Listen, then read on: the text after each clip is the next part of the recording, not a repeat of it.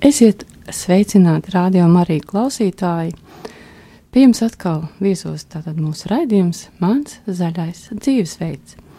Šodien studijā pie mums viesis, kurš sevi tā pavisam neuzkrītoši pieteica kā mm, lauku uzņēmēju, un viņa vārds ir Andrejs Brūvelis.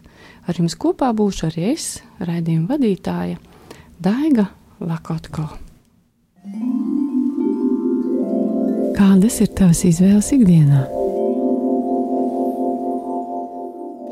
Priecājos, Andrej, ka jūs tomēr paspējāt tikāt uh, galā ar visiem remontu, ceļa remontiem, un esat laikā pie mums, un ka mēs atkal šeit varam tikties un runāt par tām lietām, kas man likās varētu būt uzrunājošas. Um, mani un daudz citus. Bet tātad pirms mēs sākam šo sarunu, Atgādināšu arī klausītājiem, ka mums var gan zvanīt, gan sūtīt īsiņas, vai arī e-pastus. Tātad īsiņas sūtām pa telefonu 266, 77, 272. Zvanīt varat pa telefonu 67, 969, 131, un e-pasts var, e-pastu var sūtīt uz adresi studija at rml.lv, bet ziedojuma tālrunis ir 900 67 69. Tātad, Andrej, nu, varbūt varat mums pastāstīt par to, savu pieredzi, kas man īstenībā likās ļoti interesanta. Varbūt tādā brīdī, tajā laikā, kad, kad notika tas, um, tas, um, tas pagrieziena punkts, par kuru es um, jūs aicināju šodien runāt, tas droši vien nebija viegli. Tas varbūt bija arī ar, nu, teiksim, ar, ar kaut kādām tādām sāpīgām izjūtām saistīts, un varbūt vēl kaut kā savādāk, bet, bet Tagad es saprotu, ka jūs esat ļoti apmierināts ar savu eh, to šodienas situāciju, kāda ir tagad izvērtusies pēc tā pagrieziena, par kuru es, nu, tātad jūs man stāstījāt. Varbūt varat pateikt, kas tas bija par pagriezienu un kāpēc viņš tā, kas, kas tur īsti notika. Jā, labdien visiem radiokamā arī klausītājiem. Uh, godīgi sakot, nekāda ļoti krasa pagrieziena jau nebija. Jo man izglītība ir, es esmu meža saimnieks, Tātad uh, savu specialitāti izvēlējos, uh, nu, varbūt arī daļai tāpēc, ka man lauka vide uh, patīk labāk kā pilsēta vide. To jau es sapratu tajā laikā, kad es pieteicu šīm studijām. Tātad, tātad uh, šis virziens uz laukiem jau, kā saka, bija jau tā kā nu, ieprogrammēts jau no tiem laikiem. Tikai nu, dzīvē tā sanāca, ka man uh, diezgan kādu ilgu laiku spriedi nācās strādāt pilsētā. Kurā no pilsētām? Rīgā. Tātad pašā lielākajā. Jā. Un, nu, protams, ka man bija arī sava neliela lauka saimniecība tajā laikā, kad es strādāju pilsētā, bet tā nebija īsti domāta saimniekošanai, tā bija atpūtai, nu, tā kā vasarnīca domāta. Nu, bet pamazām dzīve iegrozījās tā, ka pilsētā darbs man, var teikt, zuda un e, citu meklēt negribēju. Tad bija izšķiršanās mirklis, vai nu turpināt savus darbu gaitas un, un, un pamatā pavadīt dzīvi laukos, nu, galveno laiku vai pilsētā. Nu, izvēlējās, izvēlējos otru. Vai šis tāds lēmums, tas tā viegli nāca, vai tomēr bija kādas pārdomas, un vai uzreiz jums patika tāds lēmums un tāda situācija? Mm, patiesībā sakot, nebija ilgi jādomā. Jo tas uh, zemapziņā jau man ilgi gruzdēja tā doma, ka nu, pilsēta vide nav mana vide. Un šie septiņi gadi Rīgā uh, arī pierādīja to, ka nu, strādāt es šeit varu. Uh, pietiekoši komunikāls esmu, varu darīt darbu, un, bet es nejūtos šeit labi. Nebija komforta šeit. Uh, Kas tieši man nepatīk, tas ir cits jautājums pilsētā. Bet īstenībā jūs varat pastāstīt, jo īstenībā tas laikam ir tas sāls, ka pilsētā ko, uh, ir dzīve savādāk. Cilvēki dzīvo savādāk. Lauku vidē tur ir pavisam cits ritms, un tur cilvēki jūtas savādāk. Vai jūs varat pateikt, kas bija tas, nu, teiksim, kas jums varbūt uh, bija tā kā traucē, nezinu, vai bišķi vai daudz traucēja pilsētā, un kas ir labāks laukos, ar ko jūs tagad jūtaties ieguvējis? Nu, jūs jau pieminējāt šo ritmu. Ritms, uh, nu, pilsētā it kā viņš ir strauji, laukos viņš ir tāds eh, rimtāks, varētu teikt. Tā. Lai gan tagad es nedomāju tā, kad es esmu jau uzsācis uzņēmē darbību, man tas nu, dienas ritms ir pat šobrīd spraigāks nekā tad, kad es pilsētā dzīvoju. Tā, jums nav garlaicīgi, nemaz. Nu, nemaz, nemaz, bet uh, lieta ir tāda, ka pilsēta kā vide uh, man nebija simpātiska. Kāpēc?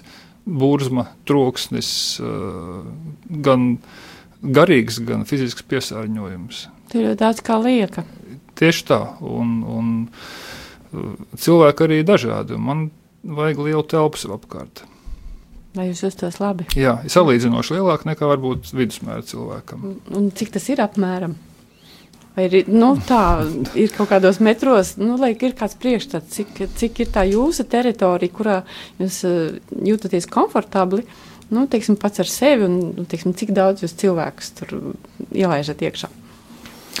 Nu, kaimiņš tuvākais, tad, tad man ir pāri ceļam, nu, tas ir cik, tas ir 300 metri, tas ir pilnīgi pietiekoši, viss kārtībā, mēs netraucējam viens otram par ikdienas saskarsmu ar cilvēkiem. Jā, nu, man nepatīk, teiksim, pārvietoties, pārpildītā trolejbusā vai tramvajā. Uh, vai stāvēt pilsētā sastrēgumos automobīlīs. Jo? Es jūtos kavēts, es jūtos ierobežots. Es jūtos iespiests kaut kādā telpā, un man nav brīvības. Lauki dod šo brīvību pilsētā vairāk tās saspiestības sajūta. Tieši tā. It kā cilvēks mēs visi mīlam, es arī tā skaitā, bet es ļoti labi saprotu, ka pilsētas vidē tomēr ir tāda saspiestība.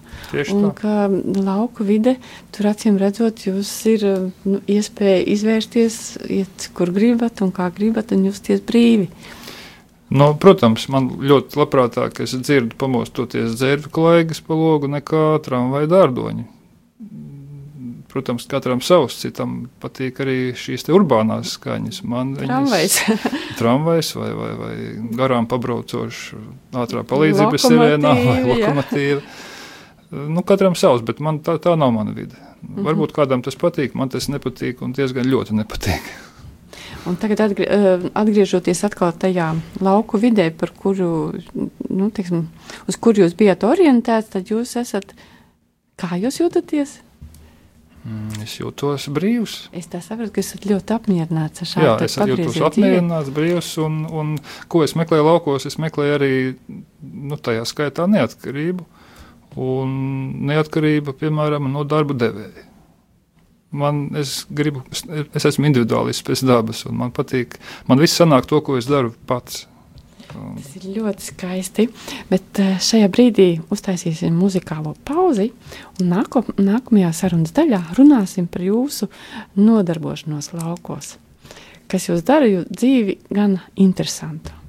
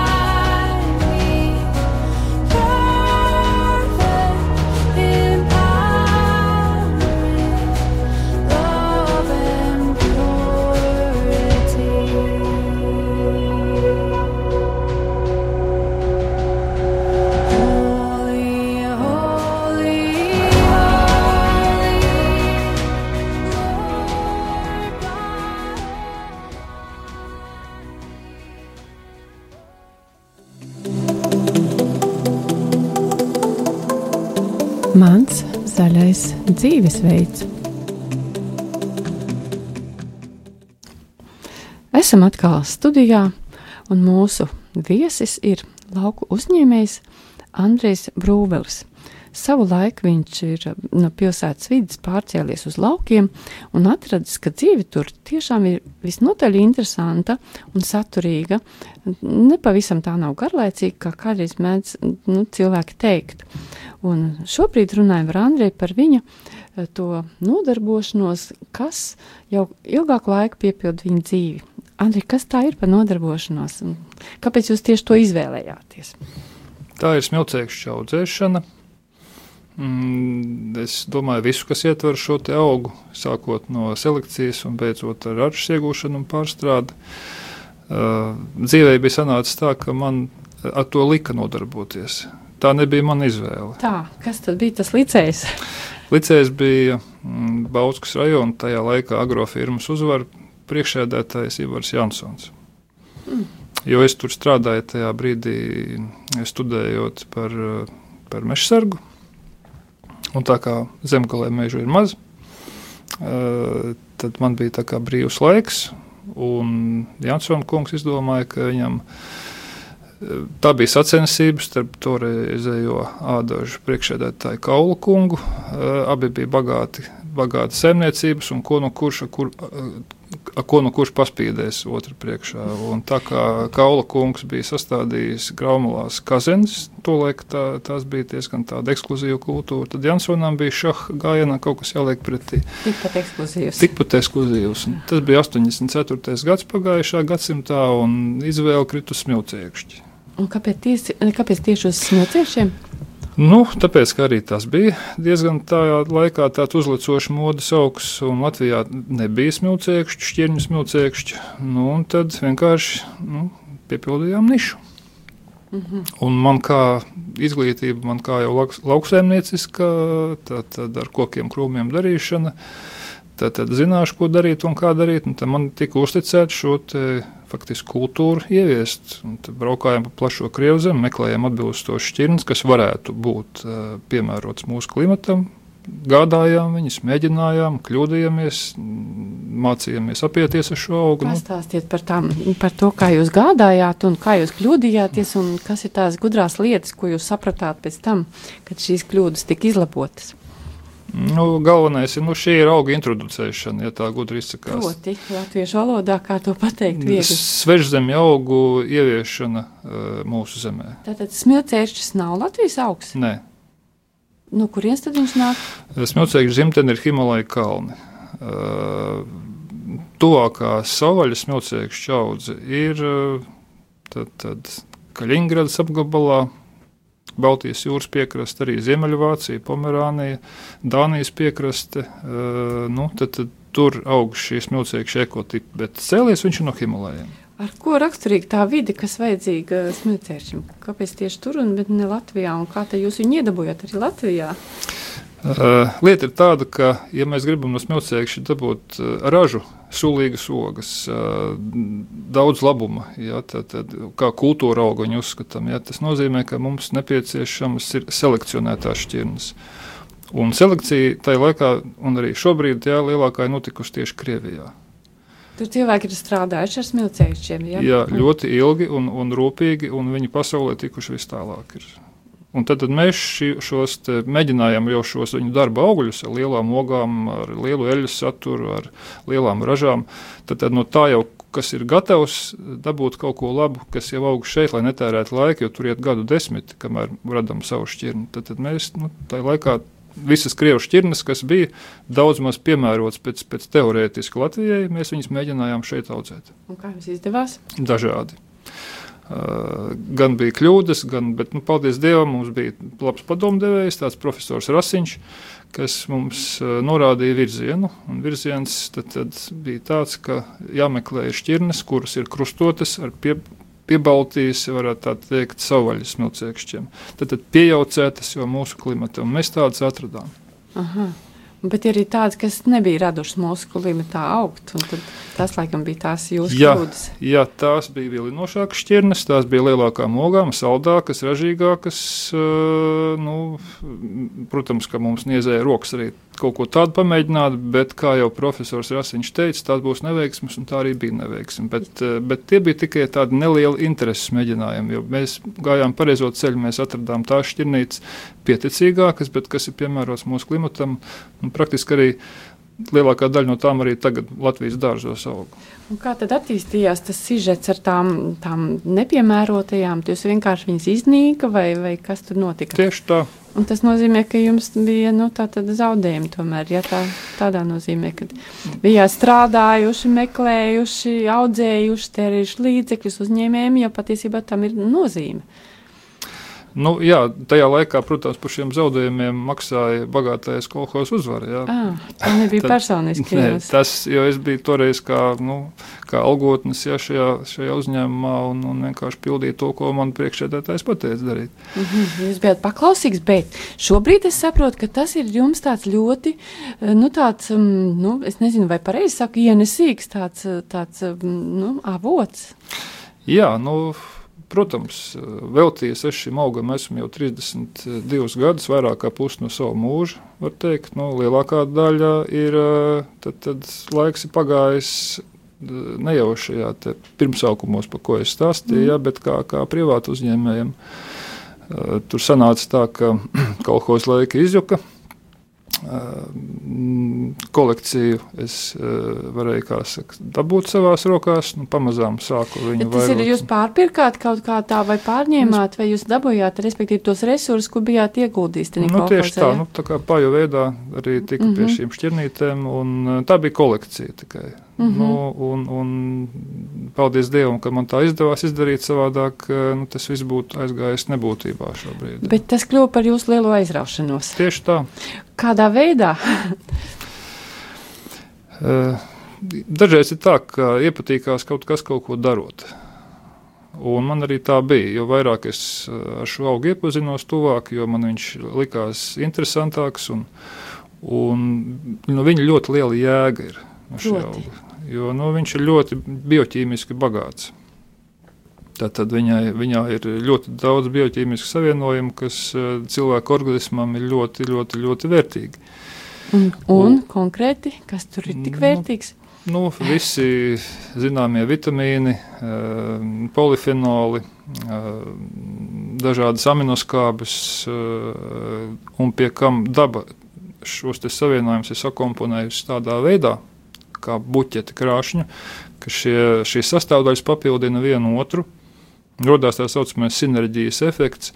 Uh, un, ja mēs kādu sastāvdaļu izņemam ārā, vairāk efekta nav. Tad, tad mēs visu šo sapratu vienu brīdi, ka šis brīnum, uh, šī brīnuma ietekmes milcēkšķi ir tikai tāpēc, ka mēs neizjaucam šo buķeti. Ka viņi aug kopā tādā vienībā. Nē, ne tik kopā, bet uh, iet runa par pārstrādi. Ja mēs, teiksim, bieži vien mēs augļus un ogus pārstrādājot, uh, izjaucam šo buķeti, un es, ar to es domāju karsēšanu, piemēram. Mm -hmm. ja? nu, tad, tad, Uh, savukārt, ja mēs atrodam veidus, kā, kā šo ogu vai auguru saglabāt vai apēst svaigu, efekts ir pavisam cits. Un smilšēkšiem šis, šis efekts ir dubultā. Proti, tas ir daudz iedarbīgāk un spēcīgāk. Un, un kas tad tur īsti ir ar to? Īstenībā gribu atgādināt vēl klausītājiem, ka Andrejs kopā ar Daliju Segliņu, savu kolēģi, ir sarakst, uzrakstījis grāmatu un vēl diviem autoriem par smilcēkšķiem. Tā arī saucās šī grāmata - smilcēkšķi.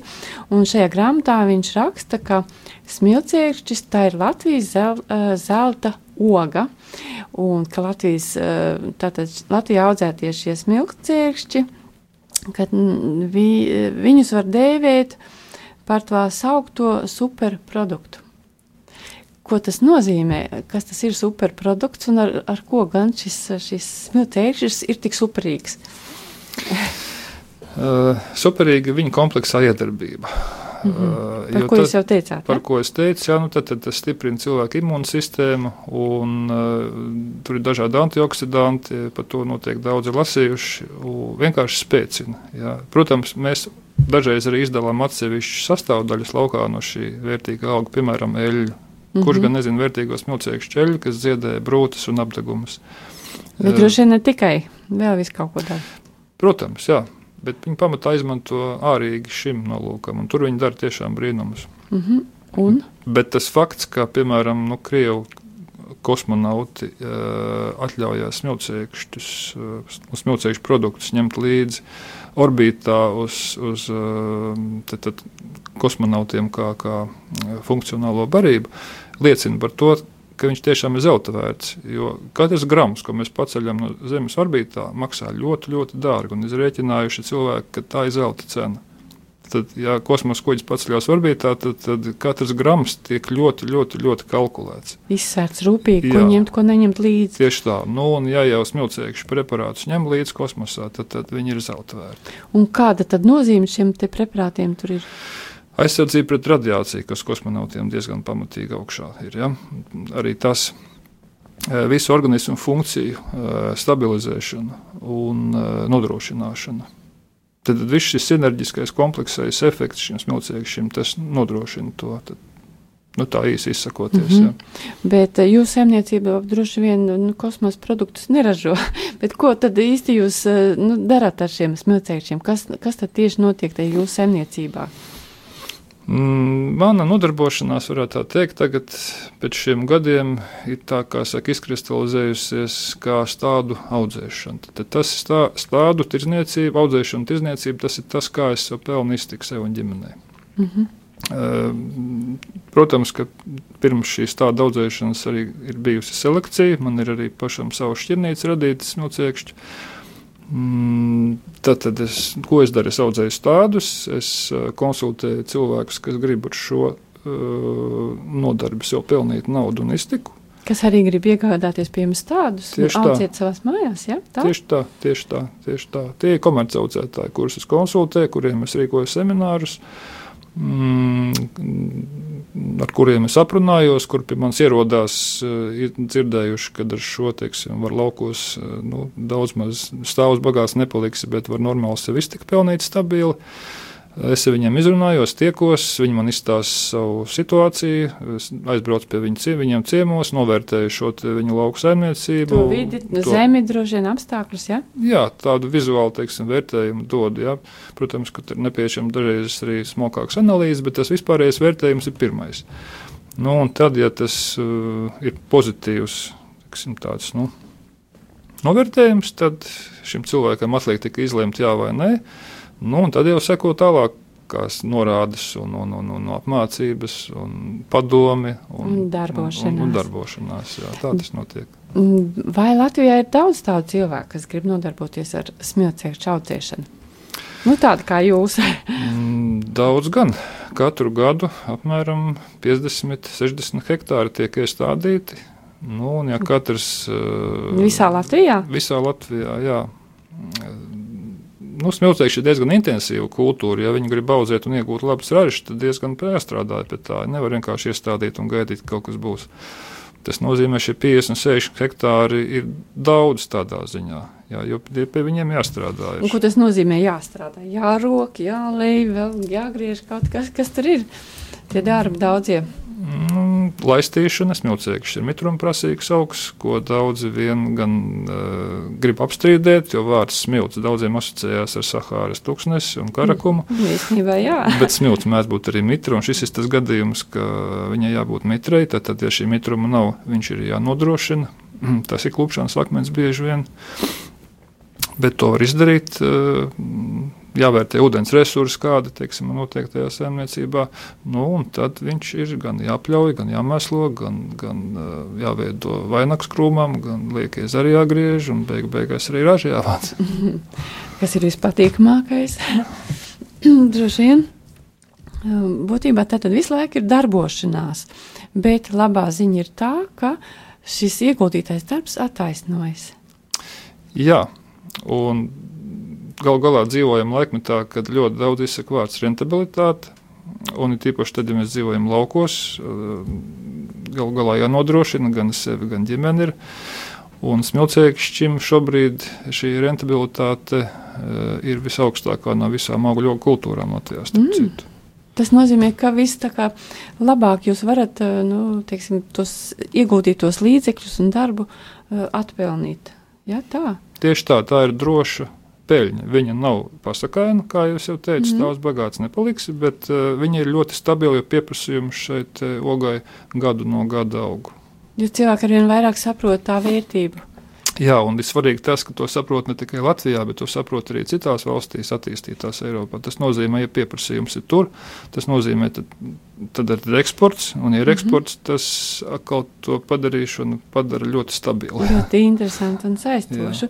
Tad eh, es sadzirdu šajā jūsu stāstā, ka labā ziņa ir, ir tāda, ka cil, teiksim, cilvēkam laukos nav garlaicīgi, viņš īstenībā var atrast sev ļoti labu nodarbošanos, un ka tā ir gan interesanta, un ka ar to var nopelnīt arī naudu sev un savai ģimenei. Un mums nav jāuztraucās par to, nu, ka mēs tur paliksim bez līdzekļiem, būsim nabagi. Nu, šos stāstus, par nu, ko esam daudzkārt dzirdējuši. Protams, bet te jāpiebilst, ka arī tā uzņēmēja darbība un, un kā uz jebkuru uzņēmēja darbību attiecās zināmas likumsakarības. Un arī šeit ir tā, ka jo vairāk ir vēlme nopelnīt, jo vairāk jāinvestē. Ir. Arī smilcīgas čauzēšanai, kā es daudziem stāstu, ir vairākas pakāpes, vērtības pievienošanas pakāpes. Mm, ja cilvēkam nav vēlmes vai nav gribēšanas investēt, viņš var palikt pirmajā pakāpienā un audzēt tikai izēvielu. Jūs ar investēšanu domājat uh, finansu līdzekļus vai Tieši tā. Mm -hmm. Un jūs milcēkšķim, lai viņu pārstrādātu, ir nepieciešama saldētava. Arī, lai ogas attīrītu, ir nepieciešama saldētava. Es tagad varbūt negribu tajās tehnoloģiskajās niansēs iekšā, mm -hmm. bet principā ir tā, ka uh, var ļoti viegli pārdot ogu uz zariem, jo viņas griež kopā ar zariem. Mm -hmm. Nu, Cēkšņi nevāc vairs ar pirkstiem, viņas nogriež kopā ar zariem. Ar šķērēm vienkārši tā. Tieši tā. Mm -hmm. tieši un? tā. Nu, tas ir tas, tas pamat, tas pamat, tas uh, neapstrā, visneapstrādātākā izēviela, ko ir ļoti viegli pārdot un kurai šobrīd ir ļoti liels pieprasījums. Tirgos, kurā vietā jūs pārdodat? Eh, godīgi sakot, pietiek tik izaudzēt, un uzpircēji paši jūs ja? Jo ir milzīgs pieprasījums šai lietai. Nu, ir cilvēki, kas organizē šo ogu attīrīšanu no zariem, jo tas ir diezgan tehnoloģiski sarežģīti un arī kās, nu, teikt, elektroietilpīgi. Jo bez saldētavas to izdarīt nevar. Šis zars jāsasaldē kopā ar ogu, un tad ar dažādām iekārtām šī oga jādabū nost tīra no šī zara. Mm -hmm. nu, tas maksā naudiņu, un, protams, ka, tā, tas gala produkts, tā oga, ja, var teikt, viņa ir pietiekoši dārga, lai būtu pietiekoši daudz gribētāju to pelnīt, un tad, tad viņi savā starpā konkurē un, un tad, tad dzenās pēc šīs odziņas. Ja. Bet tas nekas, jo vairāk cilvēki nodarbojas ar, ar konkrētu lietu, jo tas tomēr gala beigās ir patērētājiem izdevīgāk. Šķiet, ka tā. Protams, lielākā daļa no Latvijas audzētājiem, tie, kas uzsāk šo, šo nodarbošanos, viņi neplāno eh, tātad šīs investīcijas. Viņi labāk iestāda vairākas lielākas platības, eh, bet pārdod ogu uz zara. Mm -hmm. Tas ir visgarantētāk, visstabilāk, visstabilākais teiksim, pārdošanas produkts, jo tam lielākais pieprasījums. Te pašā laikā tas neprasa investīcijas, bet tas prasa platības. Mm -hmm. Ja grib teiksim, kaut kādu naudas plūsmu, tad vajadzīgi mazliet platība, lai to, to pelnītu. Kas ir nākamie soļi, pavisam īsi pieminot? Kas ir nākamais? Nu, teiksim, jūs teicāt, vajag vairākos soļos iet, ieguldīt investīcijas. Kas tas mm. ir? Pirmais tā tad ir šī auga tāda savākšana, un kas ir nākamie? Nu, tad, tad šī oga uz zara tas ir tas pirmais pakāpiens. Jā. Mm -hmm. jā. Nākošais ir jau tīra oga. Jā, dabū nost jā. to ogu no tā zara, un tas prasa, acīm redzot, kādus tehnoloģijas. Gan saldētāju nepieciešama ir mm -hmm. jaudīga un, un pietiekoša prāva, lai tur ieiet raža iekšā, gan arī uh, Šī saldētava ir jābaro, tad, tad kilovatstundas arī mm -hmm. maksā diezgan, arī tā investīcija ir. Un, protams, ka vajadzīgas iekārtas, kas šo uh, ogu dabūtu no zara nost pietiekoši tīru, lai viņi varētu būt eksporta prece. Mm -hmm. Un beigās, lai kaut kas garšīgs no tā sanāk. Jā, tad jau nāk nākošais, atkal trešais pakāpiens, kad no šīs ogas mēs taisam kaut ko vērtīgu un garšīgu. Vāram, ievārījumu vismaz. Labi, šajā brīdī atkal ejam muzikālajā pauzē. Un pēc brīža atgriezīsimies un klausīsimies dalīs segliņas uh, stāstu par viņas uh, darbu kopā ar Andreju un uh, to, kā viņi strādā ar smilcējušiem augļkopības institūtā.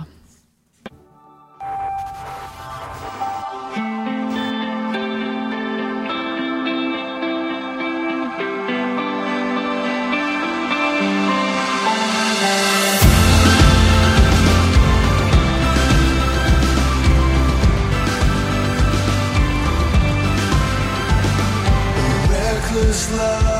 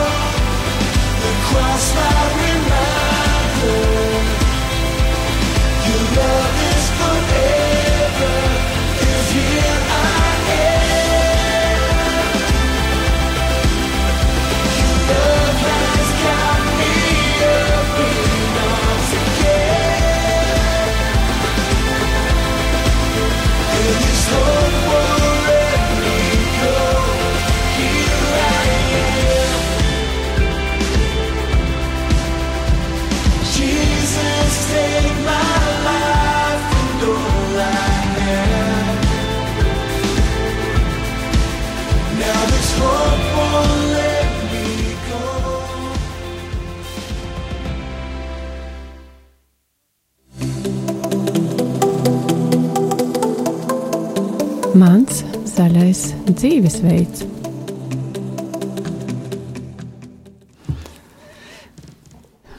Ar jums kopā mūsu studijā ir lauku uzņēmējs Andre, Andrejs Brūvelis, kas stāsta par savu mūža nodarbošanos ar smilcirčiem, un ar jums kopā esmu reiz raidījuma vadītāja Daiga Lakotko.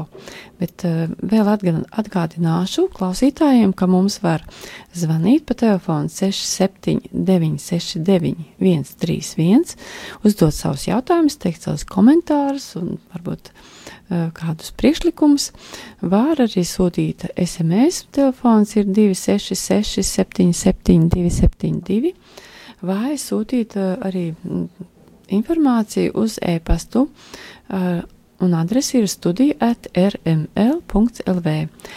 Ziedojuma tālrunis ir 900-6769. Bet turpinot sarunu ar mūsu viesi Andreju Broveli, gribu vēl jautāt Andrejam par viņa sadarbību ar Daliju. Kā es sapratu, Dalijas uzdevums ir meklēt eh, jaunus risinājumus, jaunus produktus, jaunu tehnoloģiju, bet eh, līdz tam, eh, lai varētu sākt runāt par teiksim, to pašu smilcējušu pārstrādi, ir acīm redzot vēl kādi, kādi darbi jāveic, lai līdz tam tiktu. Kas tie ir pa darbiem? Nu, jā, jebkurš pavārs, labs pavārs mums pateiks, ka uh, labs ēdiens var tikt radīts tikai no laba labas izēvielas. Tad, tad, nu, un šeit jau arī tāpat, kā ja, dalīja rūpējās par to, lai kaut ko labu izgudrot, lai kaut ko labu, teiksim, produktu izveidot no smilcēkšķa, ir nepieciešams mm, labs auglis, jo smilcēkšķis īstenībā ir auglis, nevis oga. Mm -hmm. Mēs, mēs tik pierast viņu saucam par ogu. Jā, cik interesanti. Nu, lūk, un te ir diezgan lielas iespējas kļūdīties audzējot, un jāzina audzētājiem, kas viņam jādara, lai šīs audzēšanas kaut vai beigu posmā piegādātu pārstrādātājiem tiešām labu augli. Un, nu, piemēram, gatavības pakāpe. Ir jānosaka īstā. Jā, jo smilcēklis ir jo, jo gatavāks, jo vērtīgāks. Un, ja viņi novāc mazliet pirms laika, tad uh, viņš no šīs iepriekš pieminētās buķetes daudz ko zaudē. Un pārstrādātājam vairs nav iespējas no viņa izveidot Tik ļoti pilnvērtīgu. Garšī, pa garšu šeit neiet runa, šeit runa šeit par funkcionalitāti, mm -hmm. par to Jo smilšēkšķi pamatā lieto nedaļu garšas, bet daļu viņa funkcionālās vērtības. Dēļ tās uzturvērtības tam vielām, kas tieši tā, tieši tā. Un tad, tāpēc ir jānogaida, jābūt pacietīgam un jānogaida, kamēr auglis ir pavisam gatavs. Īstais brīdis. Jā, un daži liel, lielaudzētāji, nu, tiem, kuriem, piemēram, 10 hektāru un vairāk grēko, apzināti grēko, jo viņi nevar paspēt novākt visu laikā. Mm. Viņi sāk pārāk agri. Un, bet piemēram, zaudē. Uh, šobrīd uh, pieprasījums pēc smiltīgas ogām ir tik milzīgs, ka uzpircēji vēl neskatās mm. īpaši uz to ogu, cik viņi ir gatavi, vai viņi ir sasniegusi savu pilngatavību vai nē. Bet es paredzu, ka pienāks laiks, kad uh, to darīs. Un, nu, tas ir arī uz sirdsapziņas šī audzētāja, ja, cik viņš ir gatavs pacietīgi cīnīties ar putniem, piemēram, kuriem arī garšo šīs ogas, un gaidīt to brīdi. Tieši tā, un gaidīt šo brīdi, kad šī oga tiešām ir pavisam gatava. Un kurš brīdis tad ir tas, kad, kad tā oga ir pavisam gatava? Atkarīgs no šķirnes, bet šis, šis laiks ir, nu, reāli tas ir septembris, bet, nu, grēkojam, vācam jau augustā. Protams, atkarīgs no gada, cik ir silts rudens. Šogad sākām ap 20. augustu, šogad bija diezgan agri sākās vākšana, bet pamatā tas ir septembris, 1. septembra puse. Mm -hmm. Šobrīd mēs uh, esam sagatavojuši ierakstā sarunu ar Daliju Segliņu, ka, ar kur kopā Andrejs ir rakstījis uh, savu grāmatu Smilcērkšķi, un šajā ierakstā Dalija pirms savas prombraukšanas uz šķiet, ka Vāciju, eh, stāsta par to, eh, kādi tad ir šie. Mm, kāda ir šo smilcēkšķu uzturvērtība? Ar ko šie smilcēkšķi ir tik izcili labi, ka ir tik liels pieprasījums, kā Andrejs mums stāsta? Smilcēkšķis tas ir viens no uh, um, jāsaka, tādiem uh, augļiem, kurus noteikti cilvēkiem vajadzētu uzturā izmantot, uh, jo tā uzturvērtība un tā vitamīnu bagātība, kas viņos ir iekšā, mums visnotaļ noteikti palīdz uh, mūsu dzīves kvalitātes uzlabošanai un, protams, uzturēt veselību. kas ir tās labās lietas, tās vielas, kas ir smilcēkšķos, ko jūs atzīstat par labu esam? Nu, pirmkārt, vajadzētu teikt tā, ka smeltēkšķi ir viena no ogām vai augļiem, pareizāk sakot, kuri satur gan ūdenī, gan taukos šķīstošos vitamīnus vienā šajā te auglītī. Un smilcēks ķeļa noteikti lielai daudz, lielam daudzumam klausītāju un lietotāju ir visnotaļ pazīstama gan kā medicīniski izmantojama, gan arī tieši veselības uzlabošanai. Bagātīgais C vitamīna daudzums. Smilcēks ķeļā uh, šīs te nepiesātinātās taukskābes ļoti daudzas lietas, mikroelementi, minerālu vielas, kartonīti, nevelti smilcēks šo tīra smilcēks ir sarkana. Un iespējams, ka cilvēki arī zina tādu lietu, ka ja mēs izspiežam smilcēks ķeļu no pašas odziņas, tad mums, viņa būs skaista sarkana, bagāta ar šiem te kartonīdiem. Taču savukārt, ja mēs izmantojam sēkliņu, jeb kauliņu eļļu, tā būs tādā gaišā krāsā arī ļoti bagāta ar E vitamīnu un vairāk domātu tieši medicīnai un kosmētikai. Kādā veidā šos uh, smilcērķus vai smilcērķu produktus var izmantot medicīnā? Nu, īsti mediķis es neesmu, es esmu pārtiks tehnologs, bet jāsaka tā, uh, uzturs ir mūsu zāles un zāles savukārt dažreiz pārvēršas par uzturu. Un es domāju, ka šī te medicīnas virziens smilcēkšķiem ir tieši uh, vērsts uz šo smilcēkšķu eļas izmantošanu. Uh, jo ir cilvēki, kas varbūt uh, kuņģis kābes, uh, lielās kuņģis kābes daudzuma dēļ nevar lietot un nevar dzert smilcēkšu sulu, jo viņi patiešām ir skābaļoti, bet savukārt šī smilcēkšu ķeļa, kurai piemīt ļoti daudz pozitīvas veselību uzlabojošas īpašības, ir tā, ko nelielos daudzumos cilvēki noteikti lieto. Un viens, piemēram, piemērs ir kaut vai cilvēki, kuriem ir koņa čūls ar nelieliem smilcēks ķeļas daudzumiem regulāri to lietojot, nu, no tā var, to var izārstēt un, un no tās var arī izvairīties. Mums bija kolēģis Vācijā, profesors, ļoti, ļoti lielos gados, jāsaka, un kā viņš uzturēja savu veselību. Viņš katru rītu izmantoja o, šo smilcēku šķēļu, pavisam nelielu daudzumiņu, 5 gramus nelielu kapsuliņu, un visu savu mūžu garumā viņš nesūdzējās par, o, jāsaka, tam vecumam raksturīgām veselības problēmām, un to viņš visu arī uzskatīja, ka tas ir tieši un tieši pateicoties šiem smilcēkšķiem. Par mm, smilcēkšķu eļu zinām gana daudz, bet vai no smilcēkšķiem vēl kaut ko var pagatavot? Nu, kas ir garšīgāk, kas nav eļa? Kas ir garšīgāk? Jā, nu noteikti. Mēs smilcēkšus, um, varbūt šī te lielā skābuma dēļ, tiešām cilvēkiem ir grūti iedzert šos, taču savukārt, o, mēs viņu varam izmantot varbūt nedaudz iekoncentrētā veidā uh, gan dažādiem kokteļiem un es sevišķi uh, jaukt kopā šo te skābo smelcēkšķu sulu ar tādiem produktiem, ar tādām izēvielām, kas šo skābi nesitur. Dažāda veida, nu, piemēram, ar bumbieru sulu, ar saldo ķiršu sulu, ja vēlas pagatavot dzērienus. Tikpat labi ar saldējumu. Šie te kokteļi ir ļoti fantastiski. Uh, vēl viena lieta, mēs parasti tā izdarām, ka mēs izspiežam sulu un mums paliek pāris spīdpaliekas. Nu, tas, kas mums pēc tās sulas izspiešanas.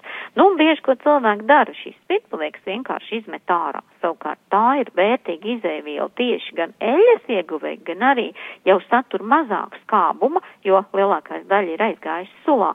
Un līdz ar to šīs pietpaliekas kaltētā veidā var malt pulverī, un tad, nu, tur sākas arī uh, dažādas izmantošanas iespējas. Nu, piemēram, viena jaucot ar dažādām garšvielām, kaut vai ar kādiem piecu piparu maisījumu mēs varam iegūt ļoti interesantu garšvielu, ko izmantot gan pie gaļas ēdieniem, gan pie uh, dārzeņu salātiem vienkārši tur, kur vajag nelielu skābumiņu, taču savukārt uh, tieši visas tās vērtīgās lietas, kas ir piedpaliekās palikušas un ir cevišķi, tur vēl var samalt ļoti smalki šo te sēkliņu vai kauliņu, tad mēs iegūstam arī uh, ar palielinātu E vitamīnu saturu šo piedevu.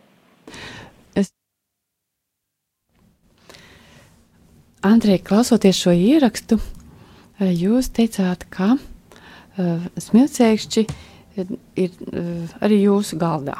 Ko jūs ar to darat?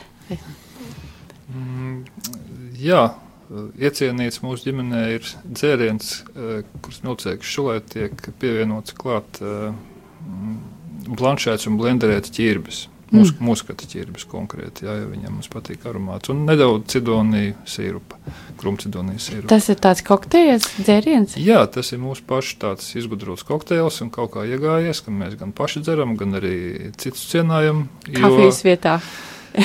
nu, varētu teikt arī tā. Jo smilcēkšs, kā jau dalīja piebilda, ir uh, skāps un as.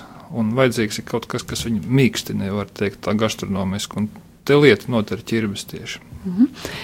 Šobrīd eh, studijā pulkstenis rāda 16. Jau 48 minūtes mums ir jābeidz raidījums, bet vēl pēdējo, Andrej, tomēr lūdzu pasakiet eh, to savu atziņu, kāda jums ir veidojusies eh, ilgu laiku jau, un tagad, kad esat jau lauku uzņēmējs ilgu laiku, kas ir tā jūsu atziņa un vērojums? Nu, ja es sevi tomēr uzskatu par eh, dzimušu pilsētnieku, un ja es esmu kļuvis par šo lauku uzņēmēju, tad pamata atziņa, kas ir, uh, uh, ko es esmu izpratis par šiem gadiem, ir tā, ka darbojoties laukos, darbs kļūst dzīvesveids, un ja tas tā nav, tad šī darbošanās nav sekmīga. Un tas ir saistoši un pilnvērtīgi dzīve Jā. dara. Jā, tieši tā. Ne katram tas ir pieņemami. Ja teiksim, jāceļās 6 no rīta ar, ar darbu domām galvā un 11. vakarā ar viņām jāaizmieg. Ir un ir tikai pusi no svētdienas, kas ir veltīta citām, citām nodarbēm, tad eh, nu, man tā ir, un man tas liekas normāli. Bet labā ziņa ir tā, ka tas ir interesanti. Tieši tā. Lūk, paldies teikšu klausītājiem par uzmanību. Paldies Andrejam, ka bijāt kopā ar mums, ka dalījāties ar savu pieredzi. No nu, jums atvados arī es, redzījuma vadītāja Daiga Lakotko.